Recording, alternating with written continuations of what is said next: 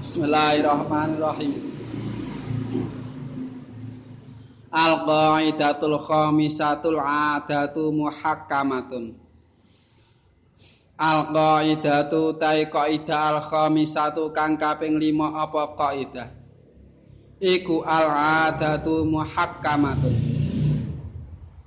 Al-adatu utawi pengadatan iku muhakkamatun kang den kang kena den gawe netepake hukum apa ada iku muhakamatun kang kena den gawe netepake hukum apa ada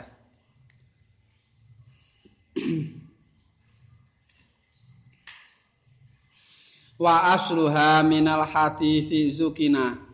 Famara'ahul muslimuna hasana Waktu birat kal urfi fi masaili kathiratin lam tan hasir liqaili. Sumalaha mabaithun muhimmah ta'allaqat fahakaha bihimmah.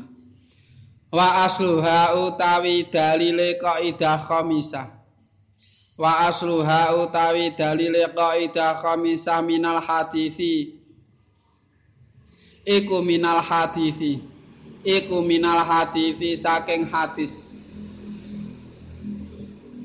Iku minal hadis saking hadis.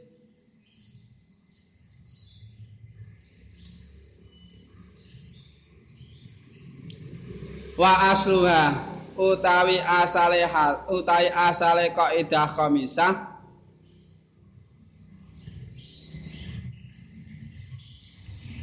Iku minal hadisi saking hadis. Iku minal hadisi saking hadis Zukina.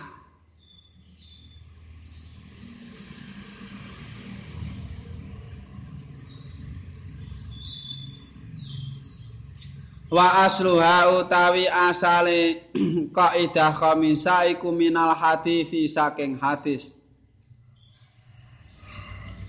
Zukina hale den werwi apa hadis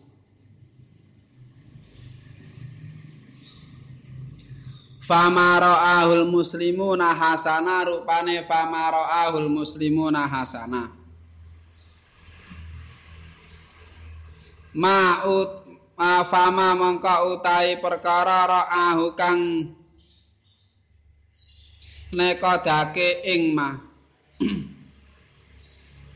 Sapa al muslimuna wong Islam kabeh hasanan ing perkara kang bagus waktu birat lan den wilang-wilang apa?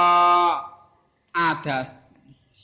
Kal urfi hale madani urf. Fi masaili ing dalam pira-pira masalah. Fi masaili ing dalam pira-pira masalah kathiratin kang akeh apa masail. Lamtan hasir lamtan hasir kang ora dadi karingkes apa masail kathirah lamtan hasir kang ora dadi karingkes apa masail kathira liqa ili keduwe wong kang ngucap. Liqa ili keduwe wong kang ngucap. Sumalaha nuli iku keduwe kaidah khamisah. Mabahisun utawi pira-pira pembahasan mabahisun utawi pira-pira pembahasan muhimmah kang wigati apa mabahis. Ta'alaqat kang gegayutan apa mabahis muhimmah. Fahaka mongko ngalapo sapa sira ing mabahis muhimmah. Fahaka mongko ngalapo sapa sira ing mabahis muhimmah. Bihimmah kelawan sejo kang luhur bihimah kelawan sejo kang luhur. Al murad wonten ing mriki kiai nazim.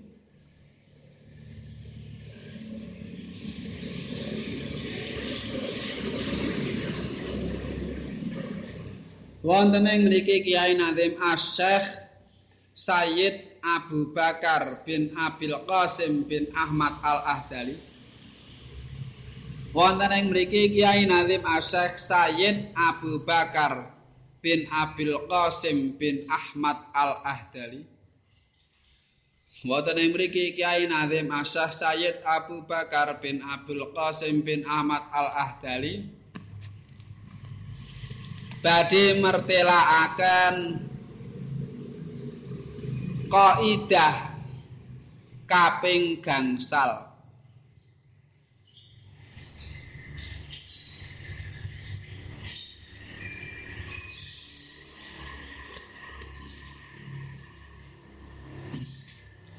Dene kaidah ingkang kaping gangsal inggih punika al-adah muhakkamatun. Dene kaidah ingkang kaping gangsal inggih punika al-adah muhakkamatun.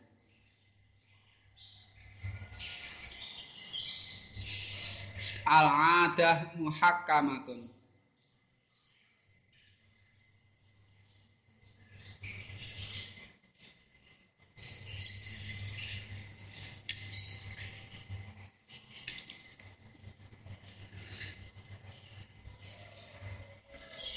tegesipun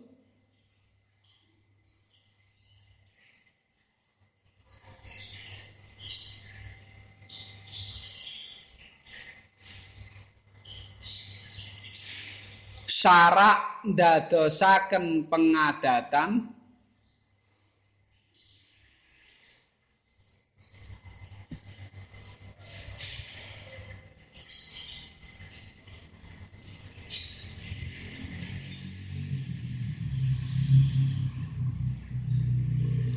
Dados dasaripun hukum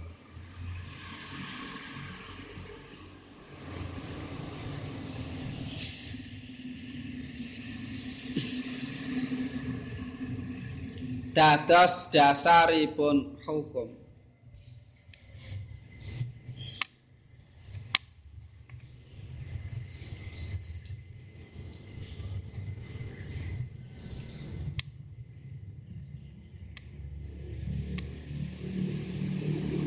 Kangge perkawis-perkawis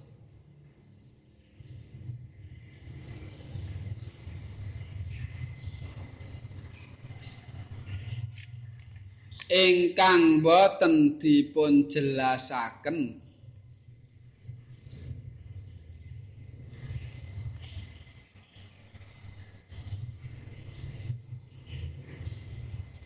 ingkang boten dipun jelasaken kanthi perinci. Dening nas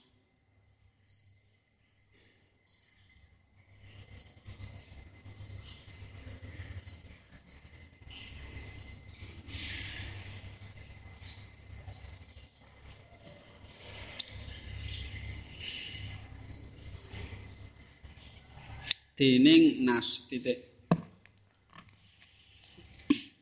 Dene dalilipun kaidah menika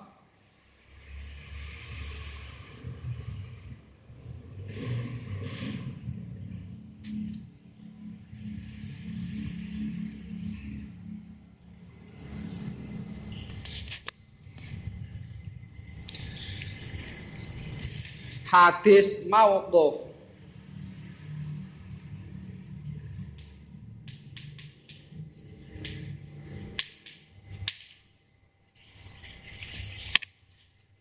hadis mauquf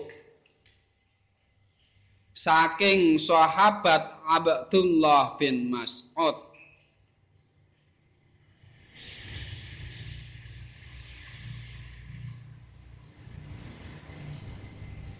Arupi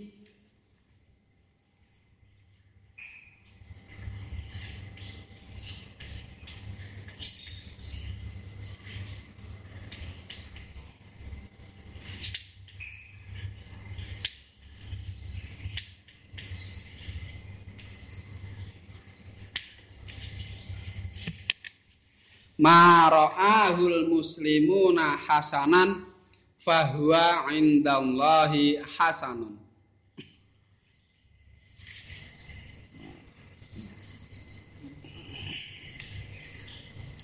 Mara'ahul muslimuna hasanan fahuwa indallahi hasanun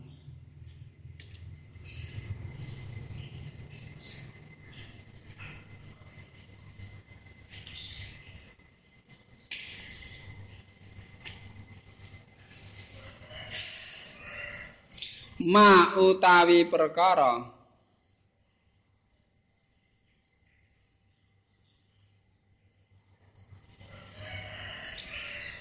Ra'ahu kang nekodake ing ma.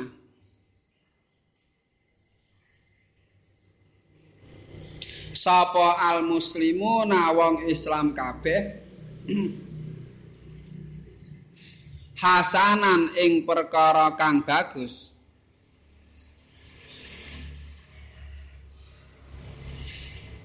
iku fahuwa mongko utawi ma.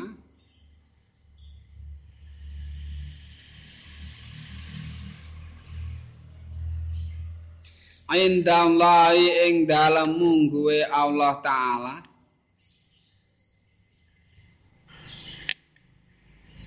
Iku hasanun perkara kang bagus. Iku hasanun perkara kang bagus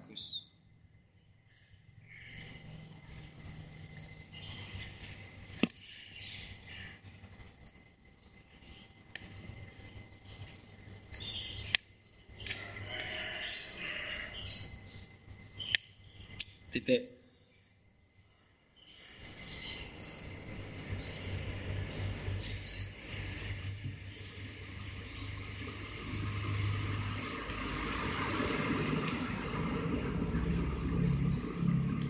Adat kados dene uruf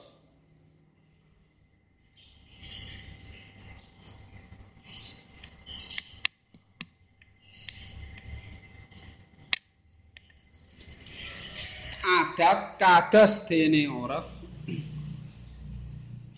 punika dipun wical-wical.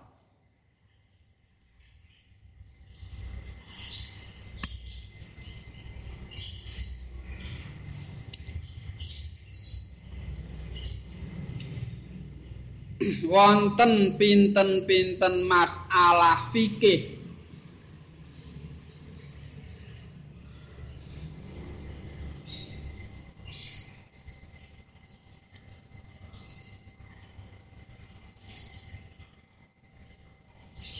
wonten pinten-pinten masalah fikih? Ingkang kathah sanget.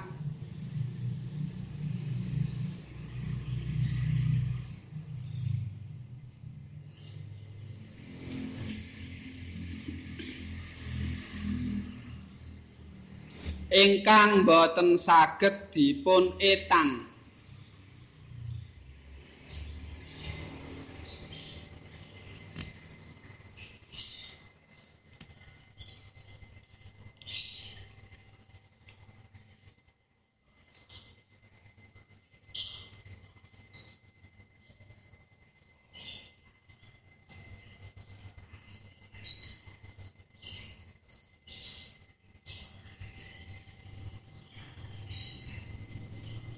kados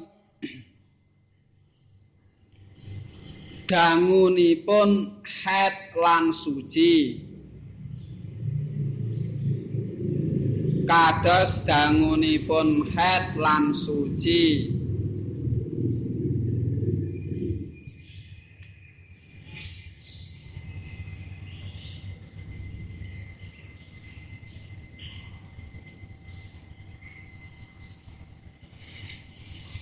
pelanggeranipun kathah lan sekedhik.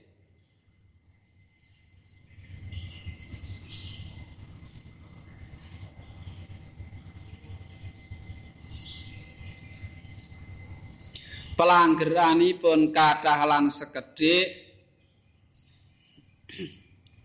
Wonten tam uh, wonten sloka tambelan wadah wonten sloka tambelan wadah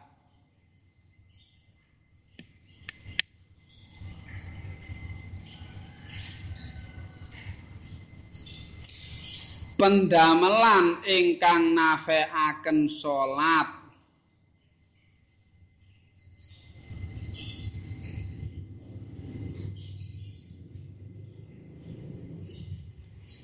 Najis ingkang makfu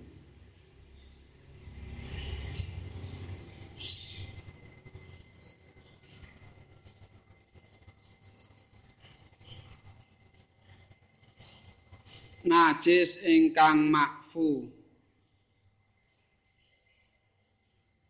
Pamisah antawisipun. Pamisah antawisipun.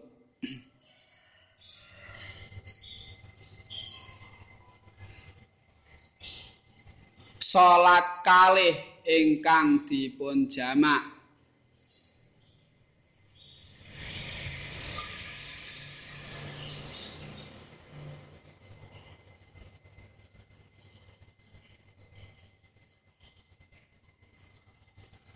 antawisipun khotbah lan salat Jumat.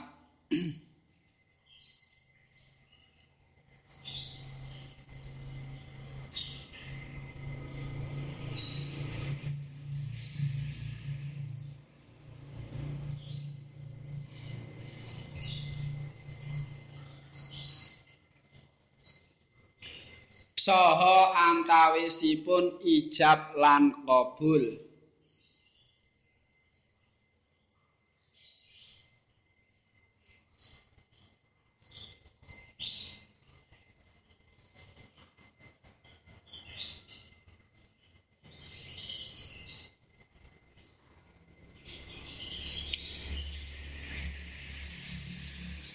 Lan kados masalah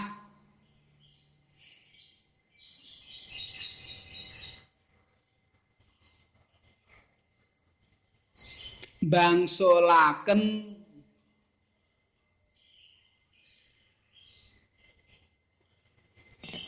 wadahipun mauhub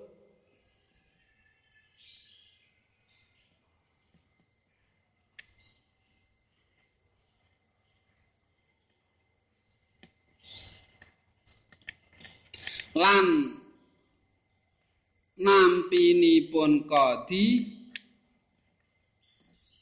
lan nampinipun kodi dateng hadiah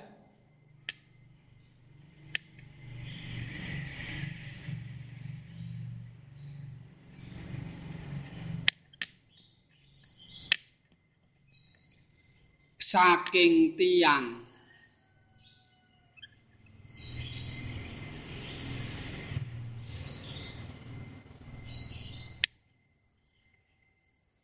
ingkang sampun pengadatanipun ingkang sampun pengadatanipun maringi dhateng piyambakipun.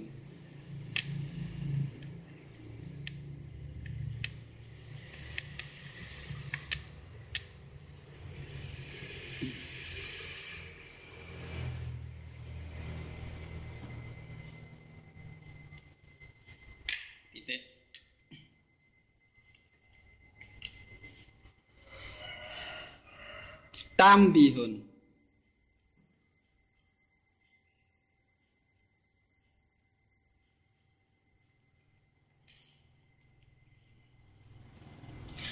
Adat lan uruf.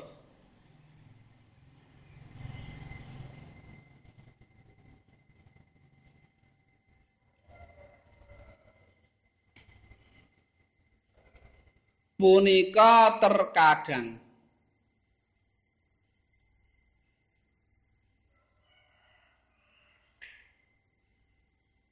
dipun ginakaken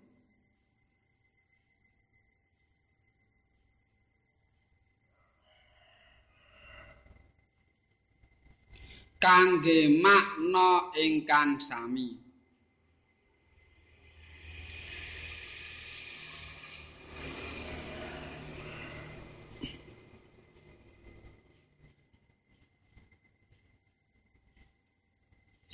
Inggih punika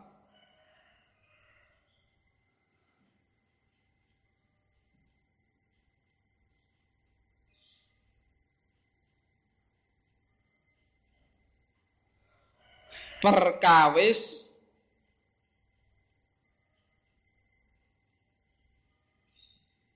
Ingkang wungsal wangsul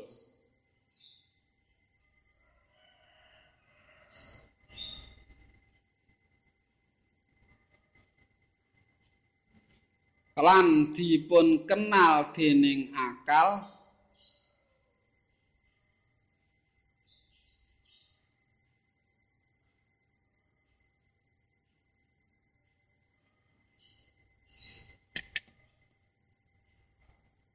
saha dipun tampi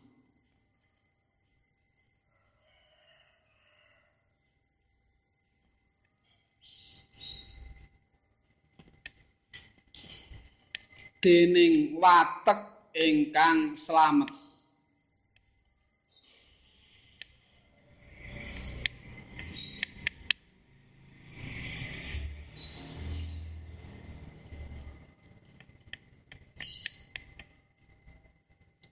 sami ugi rupi pendamelan.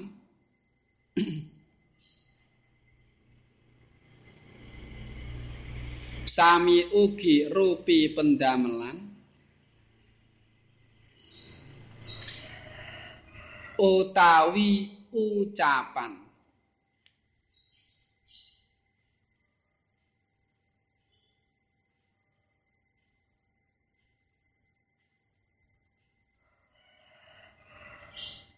titik terkadang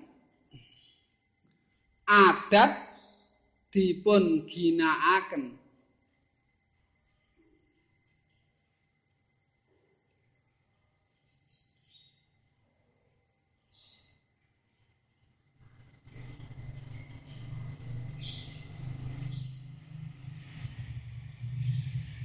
kangge makna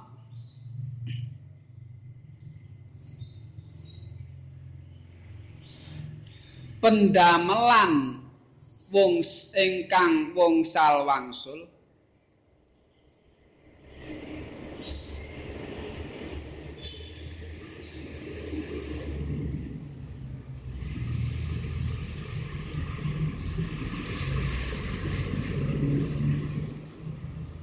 ingkang dipun tampi watek ingkang slamet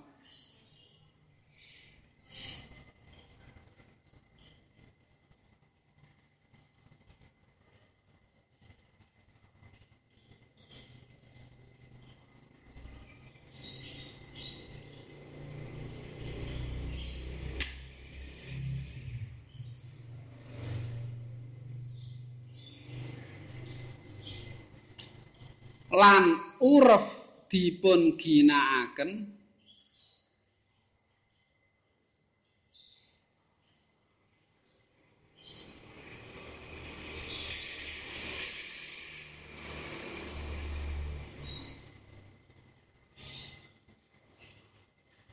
kangge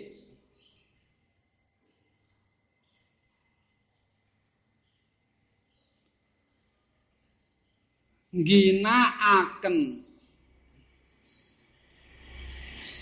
ah. Uh, kangge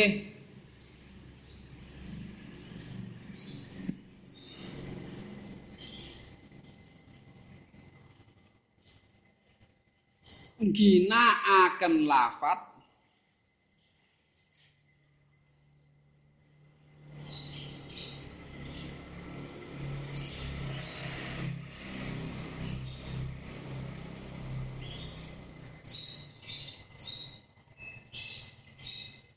pindah saking makna wadhokipun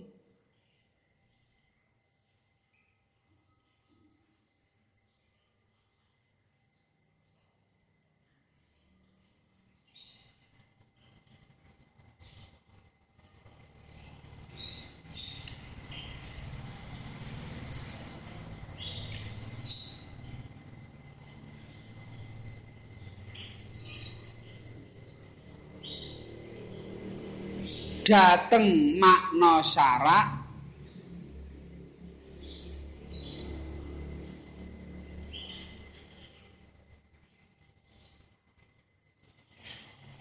Utawi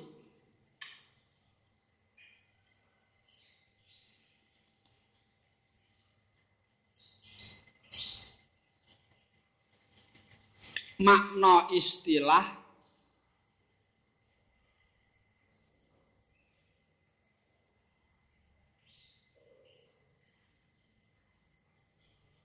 utawi makna lintu ingkang umum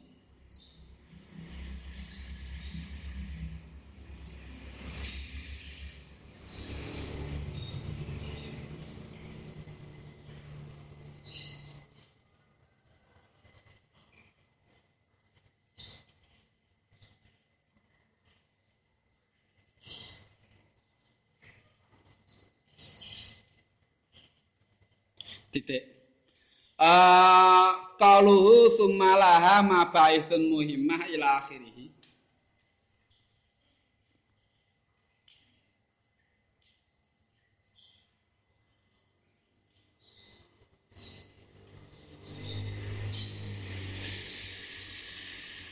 Kaidah khamisah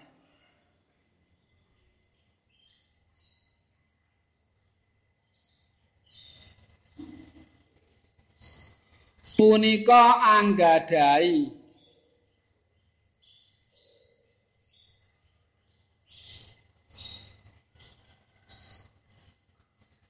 pinten-pinten pembahasan wigatos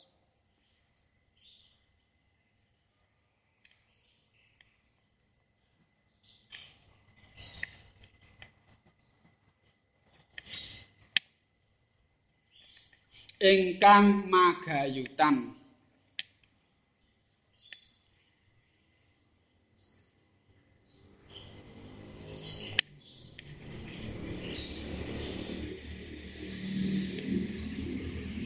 Pramila. Monggo dipun mangertosi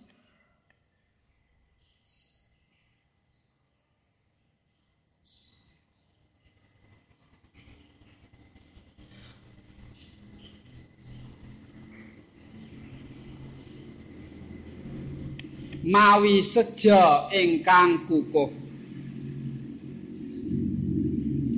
Pramila monggo dipun mangertosi mawi seja ingkang kukuh. Bismillahirrahmanirrahim. Al-Qaidatul Khamisatul Adatu Muhakamatun Qaidah sing nomor 5 saka qawaid khamis kaidah 5 sing pokok iku kaidah al-adah al-adah muhakama adat iku iso didadekke kanggo netepake hukum maknane syarak iku ngolehno adat pengadatan dadi dasare hukum ninggon beberapa masalah sing ora dijelasno karo nas Dadi ning kono ora ana keterangan saka Quran, ora ana keterangan saka hadis. Hmm. Lah iku engko syarak memberikan legitimasi adat kena digawe sebagai sandaran hukum. Iku oleh. Nah contohnya, contohnya kaya apa? Kaya masalah head. Syarak menjelasno nek wong wedok iku nek head ora oleh ngene ngene ngene. Wong wedok nek haid sing lanang ora oleh ngene-ngene. Ya saluna kal mahid qul ya wa qul wa adza fa'tazilun nisa ngene. Mung jelasna masalah hukum nek wong haid ora oleh ngene, ora oleh ngene, bojone ora oleh ngene, ora oleh ngene. Tapi sing jenengane haid iku pirang dina, awale pirang taun ora ana penjelasane. Ora ana mbok golek ana Quran hadis ora ana haid iku pirang dina. Mulai ini umur pira? Maksimal pirang dina ora ana. Lah sing ngene iki berarti engko dibalik kon nggon adat. Sebab syarat ora jelasno kaya contone meneh ning ana apa? Ana perintah ana fal yukrim jarahu fal yukrim dhaifahu wong mukmin iku sing sempurna kon mulyane tamu kon mulyane tangga. Dawe ngono kuwi. Ning mulyane tangga iku carane piye? Kriteria tata cara sara lengkap ora ana penjelasane. Carane mulyane tamu iku tata cara sara lengkap piye ora ana penjelasane. Ane ngono berarti dibalekke ning kon pengah datan nek adate tamu disuguh wedang ya nek ana wedang. Ngono lho. Nek adate tamu kon madang ya nek ana mah madang. Adate tamu iku piye le nemoni? Lah iki lho delok pengada pengadatan. Sebab apa? Syarat ora jelasno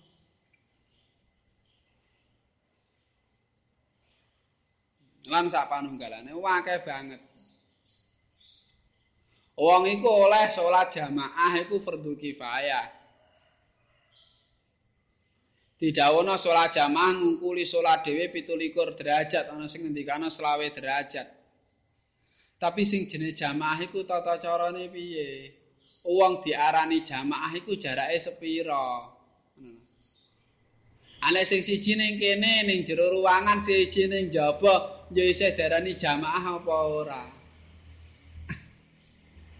Ana sing siji ning kene sing siji ning kono kepisah dalan isih darani jamaah apa oh? ora ora ana ning syarat ngono kuwi. Keterangan langsung nas ora ana mula akhire balik ning pengadatan adate wong isih darane jamaah iku kaya apa? Isih diarani kumpul niku kaya apa? Ngono. Iku dibalane ning pengadatan. Lan ngerti ya kowe ngerti ya sing dijelasna ning Quran karo hadis iku sithik dijelasno kanthi detail perinci iku sithik sing akeh malah ora dijelasno Mula sing akeh hukum agama iku balik ning pengadatan. Lho. Sing akeh hukum agama iku balik ning pengadatan.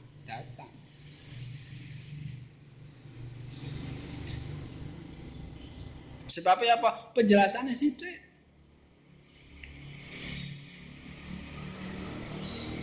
Ah sing dijelasno ning sing dijelasno ning ning Quran hadis iku sithik. Jeneng perinci oke iku umum, umum, umum. Penjelasannya ra ono. Lah, berarti nek ngono balik ning pengah. Mula akeh-akeh hukum agama iku akeh banget sing bersumber ning kon pengah datan. Sumbere pengadatan, sumbere bahasa, sumbere budaya. Wah akeh banget. Niku wis ngono kuwi agama iku ngono kuwi. Hmm, mula nek kajian agama dan budaya kajian agama dan adat. Adat karo agama menangan di ora menang-menangan kok menang-menangan piye to? Wong justru agama iku akeh sing bersumber saka adat Lah kok iso engko sel ning contoh-contone. Nah, terus ngasih. nah, Wa suha minal hadithi zukina famaro'al muslimuna hasana. Dalile kaidah khamisa iku hadis mauquf. Hadis mauquf iku berarti dudu dawe Kanjeng Nabi ngono. Dudu dawe Kanjeng Nabi. Iki dawe iki sing kene dawe sahabat iki. Iku dawe Abdullah bin Mas'ud. Iki berarti maksudnya iki dudu dadi dalil pokok berarti ngono. Dadi dalil pen pendukung. Sebab dudu hadis dudu hadis dawe Kanjeng. Dudu uh, asaru sahabat iki. Dawe para sahabat. Berarti iki apa? Dudu dalil u dudu dalil utamane iki dalil pendukung. Tapi nggawa pendukungnya tok ngene iki lho wis kuat banget lho wis cetha ngono kuwi. Apa meneh nggawa dalil sing utama cara cara wong gelut iku ora usah ngetono golok gek diselentik tok wis kalah ya cukup selentikan tok wae to. Rasa dadak nggo? Kalau iki disebut nggo dalil sing pendukung wis kuat. Apa meneh nggo dalil utama utama sebenarnya dalil pendukung iki. Rasa dibantah. Lha iki kena kaidah kok dalile malah dudu hadis dhewe malah dawe sahabat. Lah ya wong ke dalile sahabat wis kuat kaya ngono, apa meneh nganti dawuhe Kanjeng Nabi apa meneh nganti Qur'an ngono. Nisbate cengkiwing ngono wis kalah dadak nggo pedang barang. Ini bukan berarti ora ana dalil utamane, dalil utamane ya ana.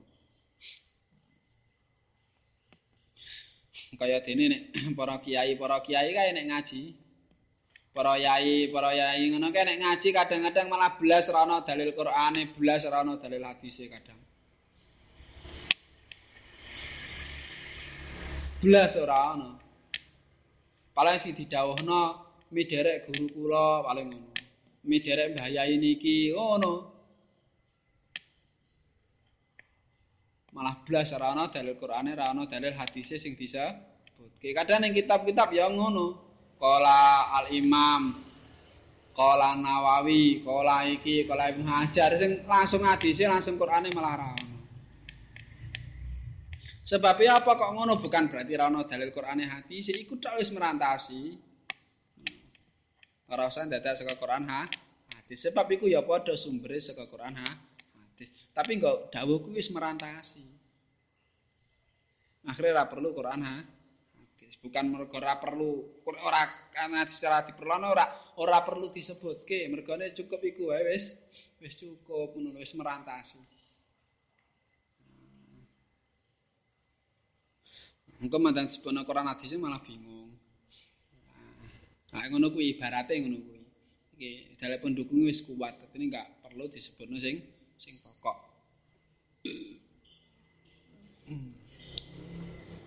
Nah, Narik pengen ngerti dalil pokoknya kaya apa karena hadis iku nek gawe kajian. Tapi nek kanggo pelaksanaan ora ora perlu ngono kuwi, engko sing sing dawuh-dawuh ngisor wis kena. Nah iki mula ning kene dalil hadis mauquf dari Sayyidina Abdullah bin Mas'ud mara'ahul muslimuna hasana bahwa indallahi hasanun perkara sing di ditekodake sing dipandang perkara sing dipandang karo wong Islam Islam iku dipandang apik berarti perkara mau munggo Allah taala ya darani apik. Iki nek cara saya uh, mula alikori maksudnya muslimunan ning kene ora kabeh wong Islam tapi apa ulama. Dadi perkara-perkara sing dipandang karo ulama, sing rasikhun ulama-ulama sing soleh-soleh. Iku kok apik berarti munggo Allah taala perkara iku ya Terus waktu birat kal urfi fi masairi kathiratin lam tanhasir liqaili. Terus adat sebagaimana uruf iku dipertimbangke, diwical-wical, dipertimbangke ning beberapa masalah fikih sing akeh banget nganti ra iso ditung saking akeh. Nah, apa akeh durut saka ngarep nganti tekan buri, iku balike ngene kabeh. Balike ngono iki kabeh. mayoritas bali ngono umpamane sing disebutno jelas ning Quran hadis mung sithik sing akeh bali ning adat utawa uruf. Lha apa to adat karo uruf iku? Adat karo uruf iku terkadang digunakake maknane padha. Dadine sing dikarepke adat ya kuwi, sing dikarepne uruf ya kuwi. Apa perkara sing bola-bali? Perkara sing bola-bali nganti wis dikenal karo akal, sebab wis bola-bali. Terus ditampa karo watek sing selamat. Maksudnya apa? karo orang yang memang memiliki pikiran yang baik, yang jernih, memiliki sifat yang baik, yang jernih, perkara mau ditampa. Nah, ngono. Sing bola-bali mbuh iku perkara bola-bali mau rupa penggawean. Contone kaya nek umpama ana tamu, berarti disuguhi wedangan bola-bali sing ngono kuwi. Utawa rupa ucapan, rupa ucapan contohnya apa? Dabah, manuk asline hayawan gremet. Terus umume digunakake kanggo manuk dabah hayawan rumangkang, hewan berkaki empat. Ana meneh sing gunake dabah kanggo makna hewan sing ditumpaki utawa gawe momotan. Iki berarti ning kono jenengane adat-adat dalam penggunaan lafat. Ngono. Nek sing mau adat dalam perbuatan. Lah loro-lorone biasa digunakake kanggo iki adat ya biasa digunakan kanggo mencakup apa kebiasaan dalam perbuatan atau kebiasaan dalam ucapan. Uruf ya ngono, uruf ya kadang digunakan kanggo dalam makna adat apa kebiasaan dalam perbuatan atau kebiasaan dalam ucapan. Tapi terkadang loro iki beda. Dadi terkadang maknane padha, terkadang be beda. Dadi nek ndelok siakul kalami. Nek beda piye adat iku kadang dimaknani adat iku kebiasaan sing berupa perbu perbuatan iku adat.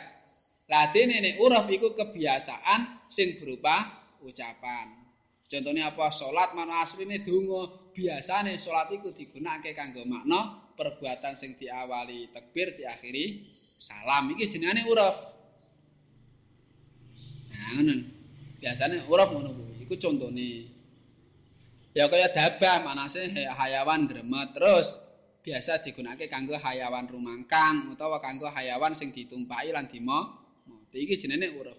Kebiasaan dalam Ini adat kebiasaan dalam perbuatan. Terkadang ya diwalik. Uruf manane kebiasaan dalam perbuatan, adat manane kebiasaan dalam ucapan. Terkadang manane podo.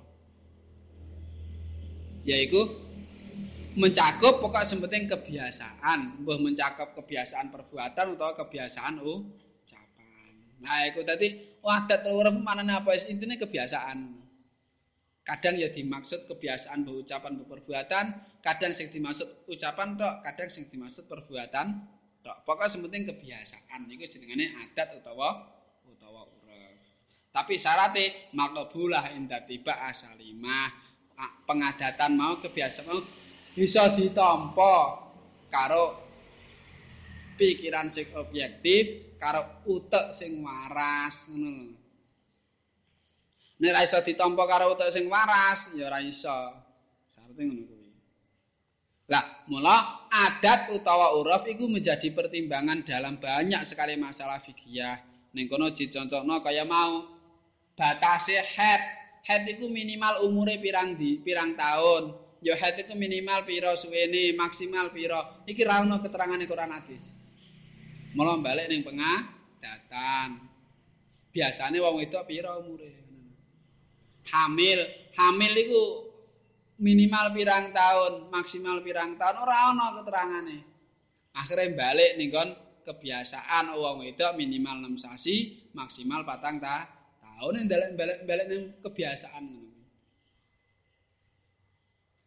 Wake banget contohnya meneh urusan sidik karo akeh. Lah kok urusan sidik karo akeh, urusan banyu iki lho. Banyu mutlak apa to banyu mutlak? mayut laku alail ismul ma bila qaidin sing dijenengi banyu tanpa qaid. Jenenge banyu tanpa qaid ki piye? Ya ndelok umume iku dijenengi banyu apa oh? Ora. Ana sing ngarani umume ahli lugat ana sing ngarani umumun nas. Lan bali ning adat meneh ki adat meneh lah banyu sing ora kena dinggo iku mak sing mutaghayir tapi sing toh tohir. Mutahir sing tahir iku apa? Sing ma apa? Maka sura apa? Tagayuruhu bihaitsu yuslabu ismul ma yaiku ketika owae mau okeh sekira wis ora diarani banyu mutlak. Lho okeh iki sepira? Ya ora diarani banyu mutlak sing ngarani sapa? Kebiasaan meneh adate diarani banyu korak ngono kuwi iku banyu reget apa peceren nah iku banyu reget apa duduh Iku banyu kecemplungan teh apa wedang teh. Lah ngono ya. Iku biasaan kabeh. Biasaan. Engko dimakfu. Lho, ana najis nebani ning banyu, najis ngenake ning klambi. Iku nek sithik makfu, nek akeh ora. Lho sithik ki sepira, akeh ki sepira, balik ning pengadatan. Oh, nek umpama semene diarani sithik, nek semene diarani akeh. Ngono lho. Ayo bab taharut wis pengadatan isine. Ada engko durung masalah apa? Lan liyan-liyane bali ngono kabeh. Masalah apa nembel nggo wadah, wadah emas perak ora oleh digunakake, tapi nek ana wadah bolong ditempel nggo perak oleh digunakake. Nek lil hajat senajan gedhe, nek lil zina oleh mung nek cilik. Tok lho cilik gedene sepira? Adate kaya apa? nek pengadatan ngarani kuwi gedhe ya gedhe nek ngarani cilik ya ci cilik ana meneh salat antarane salat jamak antarane salat pertama karo kedua iku jarake ora oleh suwe. Kudu sedelot. Ora oleh jarake suwe. Lah, suwe ke sepira? Sedelok iku sepira? Pengadatan meneh. Ya adate ngono ki nek wis darane akeh apa sithik, sedelot apa suwe. Lah, iku awale ngono kuwi. khutbah antarane khutbah awal khutbah sani ra oleh kesuwen antarane khutbah karo salat Jumat ra oleh kesuwen lho batese suwe karo sedelok iku sepira adat meneh Senajan akhire karo pengadatan diteliti, oh ternyata uang-uang iku ngarani nek kira-kira isih kira-kira ra cukup kanggo salat rong rakaat biasane isih darani sithik. Nek wis kena ge salat rong rakaat berarti darani Oke, lha iki rumusan fuqaha setelah ndelok pengadatan. Kaya oh, penggawe sing menafikan salat. Salat iku nek oke obah ora oleh salate batal sebab apa? Sebab dudono menafikan ikrad anis salat. Tapi nek penggawene sithik ora apa-apa sebab wong ora iso terhindar saka penggawe sing Sidik lho, sidik penggawe ro akeh penggawe ning nggon salat sing dianggep ikrot ane salat iku kaya apa? Pengadatan meneh. Adat. Cuma akhirnya para ulama neliti pengadatane. Biasane wong iku ngarani obah akeh ro obah sidik kaya apa? Oh, ketemu rumusane. Oh, nek obah sidik iku nalika isih loro, nek punjul saka loro diarani akeh. Lah, ngene iki sumbere pengadatan. yang kemudian dirumuskan oleh para ulama dadi rumusan. Tapi awalnya berangkatnya saka adat sebab ora ana ora ana ora ana ora ana sumbere Quran hadis ra cetha. Cuma secara umum tok. Nah, tapi para ulama iki pengadatan ngono berarti ndelok adate piye ternyata adate nek loro isih darani sithik nek punjul saka loro darani oke akhirnya digawe rumusan fikih obah iku nalika salat nek cuma rong gerakan ora batal tapi nek punjul diarani batal. Lah iki berangkate saka urip. Kaya meneh jamak ijab kabul, ijab kabul ki jarake ora oleh suwe. Nek sedilok ora apa-apa tapi nek suwe ora oleh. Lho suwe sedilok sepira? Adat meneh. Adat meneh.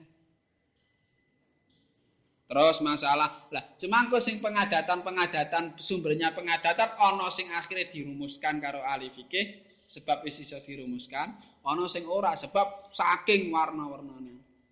Contohnya sing dirumuskan jamaah itu kudu sanggon wong jenenge kumpul kok ora sanggon. Lah jenis sanggon ke sepira apa kudu sak ruangan? Apa kudu sak lapangan? Ora ono penjelasane ning Quran hadis. Akhirnya para ulama delok adate adate nek darani kumpul ke sepira oh jebulane nek beda ruangan. Nek beda ruangan kok isih ana dalane lawang isih dibuka? Ning ngarep wong ngarani isih sak isih kumpul. Oh jebulane nek kepisah dalan ning kene wong akeh ning kono wong akeh wong ya sing ngarani kum kumpul oh nek ngono berarti nek kepisah dalan beda ruangan ora menghalangi kum kumpul tetep sah jamaah selama isih iso tekan Are saiki ane kaduan yo piye? Se jeblane nek ger kacek 50 dirok ngono wong isih ngarani kumpul. Oh ketemu 300 dirok. Nek wis punjul saka 300 dirok wong ngarani wis ora kumpul. Wah akhire dadi rumusan jamaah antarane makmum karo imam utawa antarane makmum siji karo makmum ngarepe ora oleh punjul saka 300 dirok. Iki hasil dari merenungi pengadatan. Hasil suka merenungi pengah data. Nah, akhirnya ketemu rumusannya ngono kuwi. Lah cuma engko nalika mutusno, iki tetep balik pikirane wong meneh. Aku obahe mau loro apa telu ya, ya balik ning atine meneh. Ngene iki isih darani banyu apa ora ya, balik diangen-angen meneh. Tapi standare wis ketemu lah standarmu berangkate saka adab. Lah ngono iki ora oleh dawai wis ana sing kadung dirumusno engko nek dawai marai mari rupek, mari repot hukum fikih. Senajan awale pengah. Sebab kudu niliti sekabehane kudu niliti sebagian besar ning pemarep ngowahi. Dadi ngono kuwi.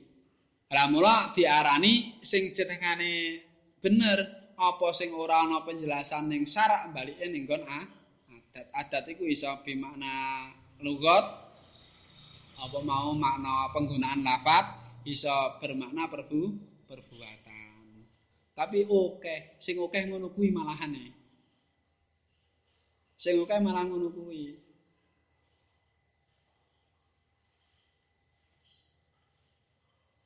Lah mula kabeh balike ning pengadatan iki kok ida sing penting banget sebab oke kaya ngono kuwi.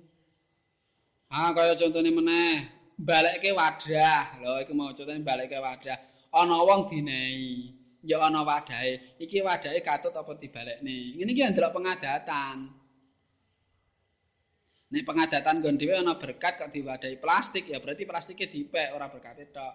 Ning kok wadahi cething ya cethinge balekke ngono lho. Iku ndelok pengadatan, gara pengadatane ning endi? Wadahi cething, ah tapi sine berkat wong cedhek. Iki berarti maksudnya balik. Tapi nek wadahi cething kok dilebokno mobil. Lebokno mobil padahal rombongan ado, iki pengadatane ora kudu dibalik. Berarti iku melu dinehke ngono. Delok pengadatane, lha aku dinehi kok ale ngenehi sak wadah iki berarti cethinge katut ya ora ngono delok pengadatan kok adate pi piye. Lan sak panunggalane akeh banget kaya ngono kuwi. Kodi, kodi iku oleh nampa hadiah, tapi saka wong sing sadurunge dhek dadi kodi wis ngenehi, wis biasa ngenehi hadiah. Loh, yo terus sing kebiasaane iku sing kaya apa? Sepira, ping pira? Nah, iku yo kok ya delok pengadatan meneh. Diteliti pengadatane kepiye. Dadi ini mula akeh banget hukum sing balik ning pengadatan. Wong kon nganggo klambi sing apik, klambi sing apik lho klambi sing apik kaya apa ya delok pengadatan. Kon nganggo klambi sing pantes-pantes apa ya delok pengadatan. Ucapan sing apik ya kaya apa ya delok pengadatan. Ngono terus. Apik karo tangga, apik karo sedulur delok pengadatan, apik karo wong tuwa delok pengadatan. Wis to. Hukum agama akeh sing baleni pengadatan. Mula nek ana wong kok mempertentangkan antara tradisi dan syarak jerak-jerakno dhewe malah bingung dhewe. Lah pancen oke syarak iku oke oke hukum agama iku bersumber saka adat kok malah dipertentangke. Ora iso sembiang, ora iso wudu nang umpama ora gelem gawa Sebab sumbernya adat. Sumbernya ke adat. Lah mula kuwi ngono kuwi. Kabeh sumbere akeh banget perkara-perkara sing sumbere pengadatan najis mafu adat. Kena getih nek getih kena getih ane sithik mafu. Ane akeh nek bi ghairi filihi minafsihi mafu ora ora mafu. Akeh ki sepiro sithik ki sepiro. Adat. Akeh sing baleni pengadatan. Lah iki iki rumusan dasare. Cuma ya kuwi mau sebagian dari beberapa hal sing bersumber ring adat iku wis berhasil dirumusna oleh para fuqaha. Nah, contohnya kaya masalah jamaah tolong atus zira, masalah dua gerakan nalika salat, masalah akalul haid, aksarul haid, akalul hamli, aksarul hamli. Lah wis iso dirumuskan karo fuqaha. Ning ana sing ora iso dirumusno ya ana akeh banget ya. Contone masalah apa? Masalah azanur ridha. Nek ana woh tiba saka ngwit iki halal apa haram? Ora iso dirumuske, pon tiba saka ngwit berarti halal ora iso. Tetep kudu ndelok wangi kaya apa, sing duwe kaya apa lan sak panunggah. Nah iki sebagian ngono Tapi ala kuli halin banyak sekali masalah-masalah sing kaitane sumbere saka adat. Mula rasa alergi karo adat, ndak usah alergi karo adat, enggak usah alergi karo karo tradisi. Nah, sebab pancen ngono kuwi kok wis piye meneh. Nah, apa meneh bid'ah hasanah? Wah, perkara sing bid'ah hasanah. Zaman Kanjeng Nabi ra ono, tapi zaman lebare Kanjeng Nabi oh, ono. Iki hukum yang ngelakoni piye ya jadi Imam Sarani dawuh nah kita hasanah iki nek sempurna ibadah malah iso dadi sunat Sebab apa? Mansan nasunatan hasanatan, ya, sapa sing memulai tradisi yang baik, iku engko bakal entuk ganjarane tekan sing lakoni kabeh. Sapa sing lakoni sawise dhek ya melu entuk ganjar. Berarti ning ngono kan jenis tradisi sunat, tradisi baik iku bid'ah sana, apik dilakoni malahan. Hukume su, sunat cari Imam Saroni. Itu ana-ana legitimasi hadis. Nah, tapi iki ora ono hubungane karo kuwi. Iki masa adat dalam masalah pertimbangan masalah hukum. Nah, iku ngono kuwi. Akeh sing balene pengadatan saking akeh lah. Nah, aning kon umpamane ning kon bab muamalah, wah ning kon bab muamalah saking akeh sing masalah kaitane karo karo adat. Nah, iki mula aja alergi karo adat.